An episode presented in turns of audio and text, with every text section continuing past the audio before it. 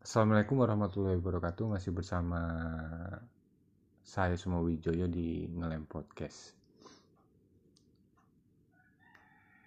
Terima kasih buat sobat-sobat Ngelem yang masih setia menikmati konten-konten Ngelem Podcast Khususnya sobat-sobat Ngelem yang sangat tertarik dengan cerita-cerita horor Di episode kali ini mungkin sedikit berbeda dengan episode-episode sebelumnya karena di episode kali ini saya akan membacakan empat cerita horor yang pernah viral di media sosial.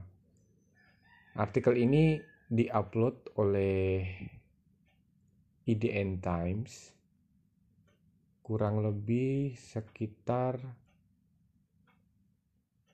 satu tahun yang lalu. Artikel ini diunggah pada tanggal 7 Desember 2019. Saya awali dengan cerita yang pertama.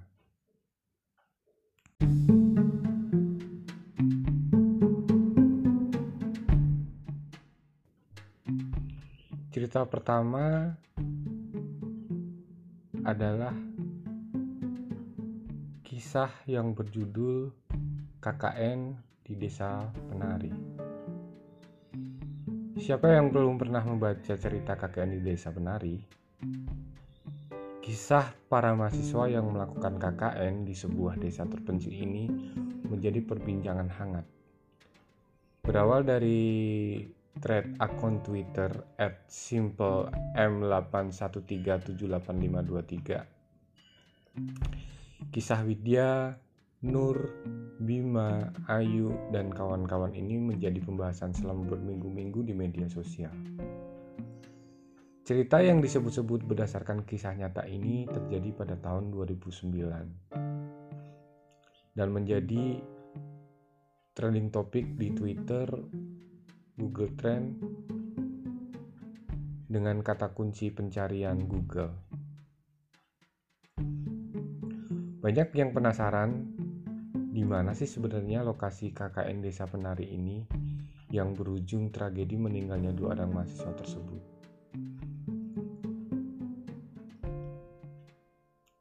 Netizen ramai menganalisa dan mencocok-cocokkan lokasi sebenarnya dari cerita KKN di Desa Penari. Saking viralnya, Cerita KKN di Desa Penari juga diterbitkan dalam versi cetak dan diterbitkan oleh penerbit Bukune. Teranyar kepopuleran KKN di Desa Penari juga menarik minat produser untuk mengangkatnya ke layar lebar. Adalah MD Entertainment yang bakal memfilmkannya.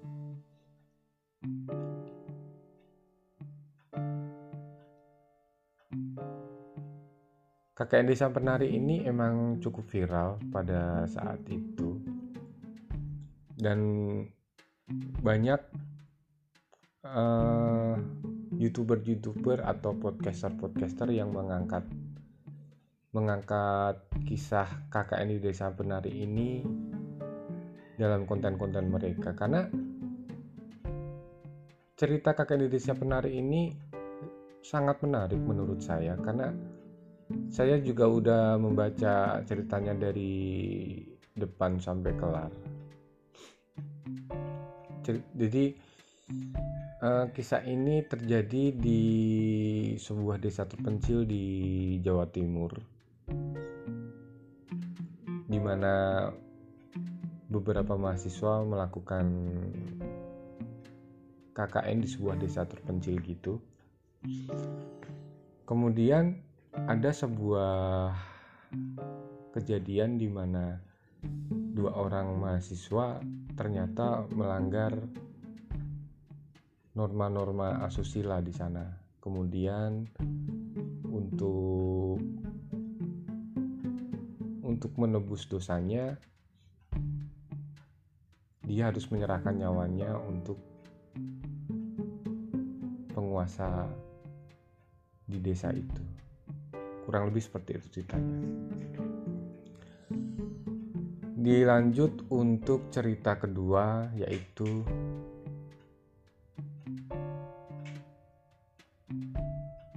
Bus satu, bus hantu Bekasi Bandung. Pada bulan Juni 2019 yang lalu, netizen dihebohkan dengan viralnya cerita seorang pria yang naik bus berhantu di rute Bekasi Bandung. Kisah ini dialami oleh seorang pria bernama Hebi Agus Kurnia yang naik bus misterius dari Cikampek menuju Bandung dan langsung menjadi perbincangan warganet. Bahkan Agus juga mengunggah foto suasana dalam bus itu dan instastories pengalaman menyeramkan yang dialaminya tersebut. Menurut pengakuan ayah beranak satu ini, bus yang ditumpanginya tampak memiliki banyak kejanggalan. Mulai dari penumpang yang duduk tegap dengan muka pucat dan terdiam hingga bau anjir yang tercium. Bahkan pria ini sempat mencoba berkomunikasi dengan mengajak berbicara kepada penumpang yang berada di sampingnya. Namun orang yang dia tanya hanya diam tidak hanya itu, ia juga merasakan bau anyir saat berada di dalam mobil.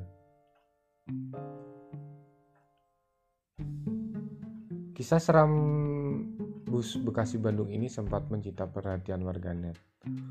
Banyak dari mereka mengaku merinding dengan kejadian mistis yang menimpa pria tersebut.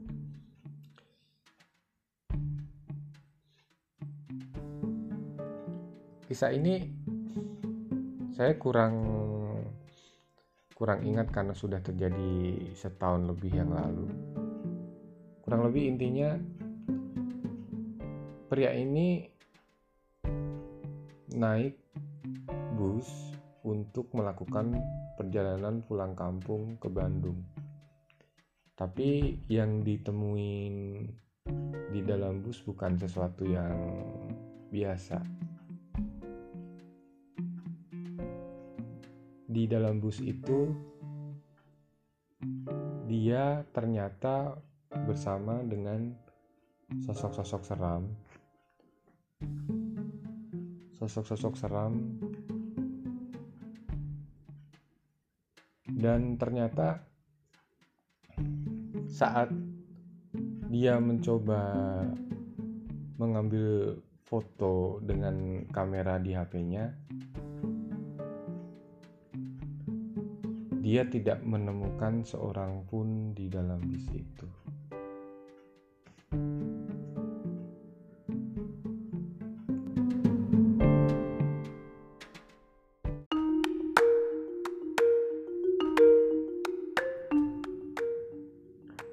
Cerita ketiga adalah Order Misterius dari Menara Saidah.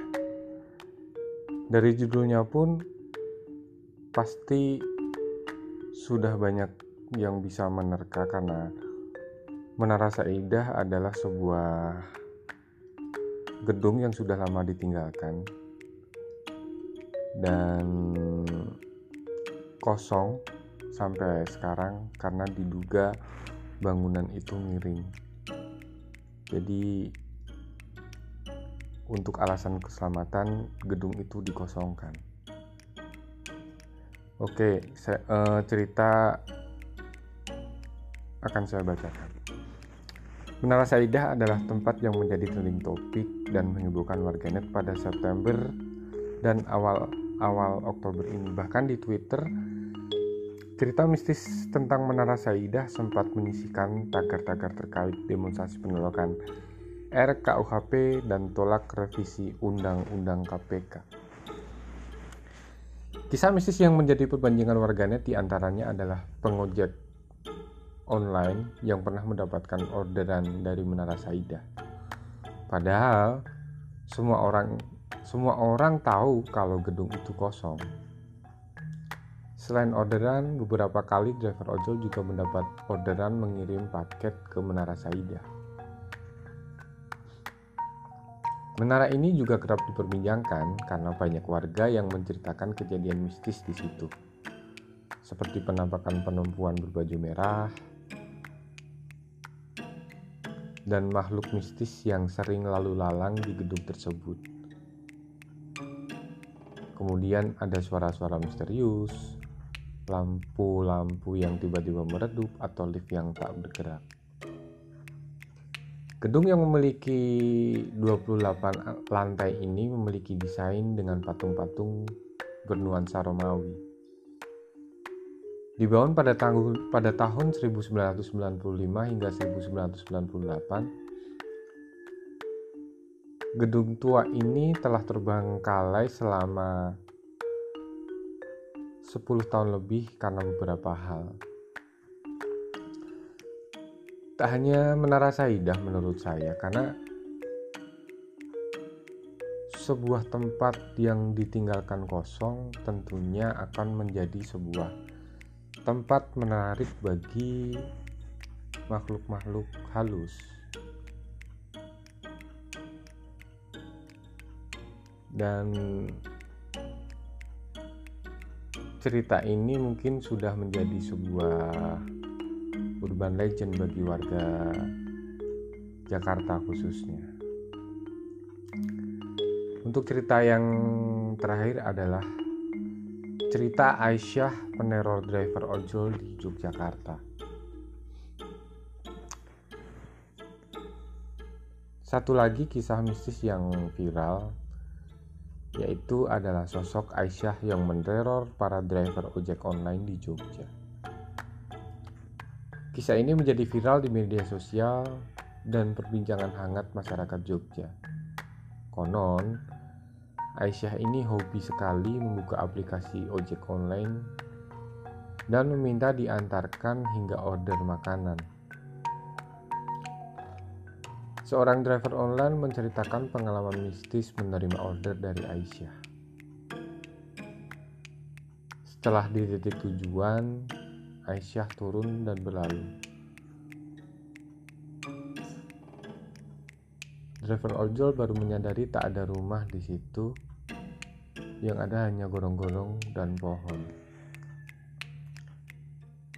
Driver ojol sempat dibuat kebingungan karena tak juga bisa keluar dari lokasi tersebut.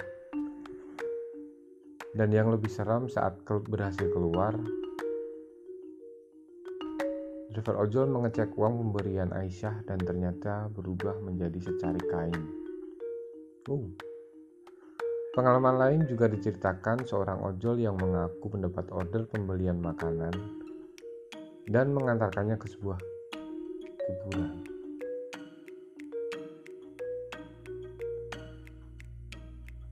Nah, itu tadi adalah kisah-kisah horor yang sempat viral di media sosial dan menyuguhkan selama tahun 2019. Menurut kalian, cerita mana sih yang lebih seram?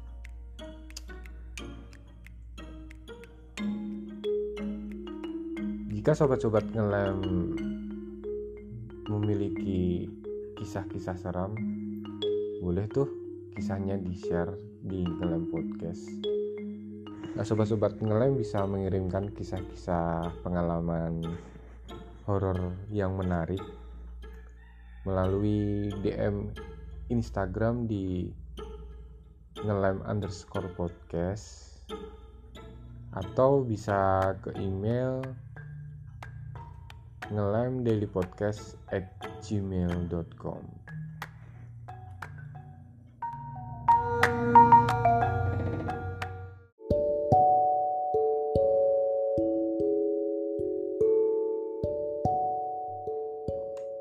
Oke sekian episode Geleng Podcast pada malam hari ini. Saya Suma Wijoyo mengucapkan terima kasih untuk untuk kalian sobat Gelem yang sudah setia menikmati konten-konten Geleng Podcast hingga hari ini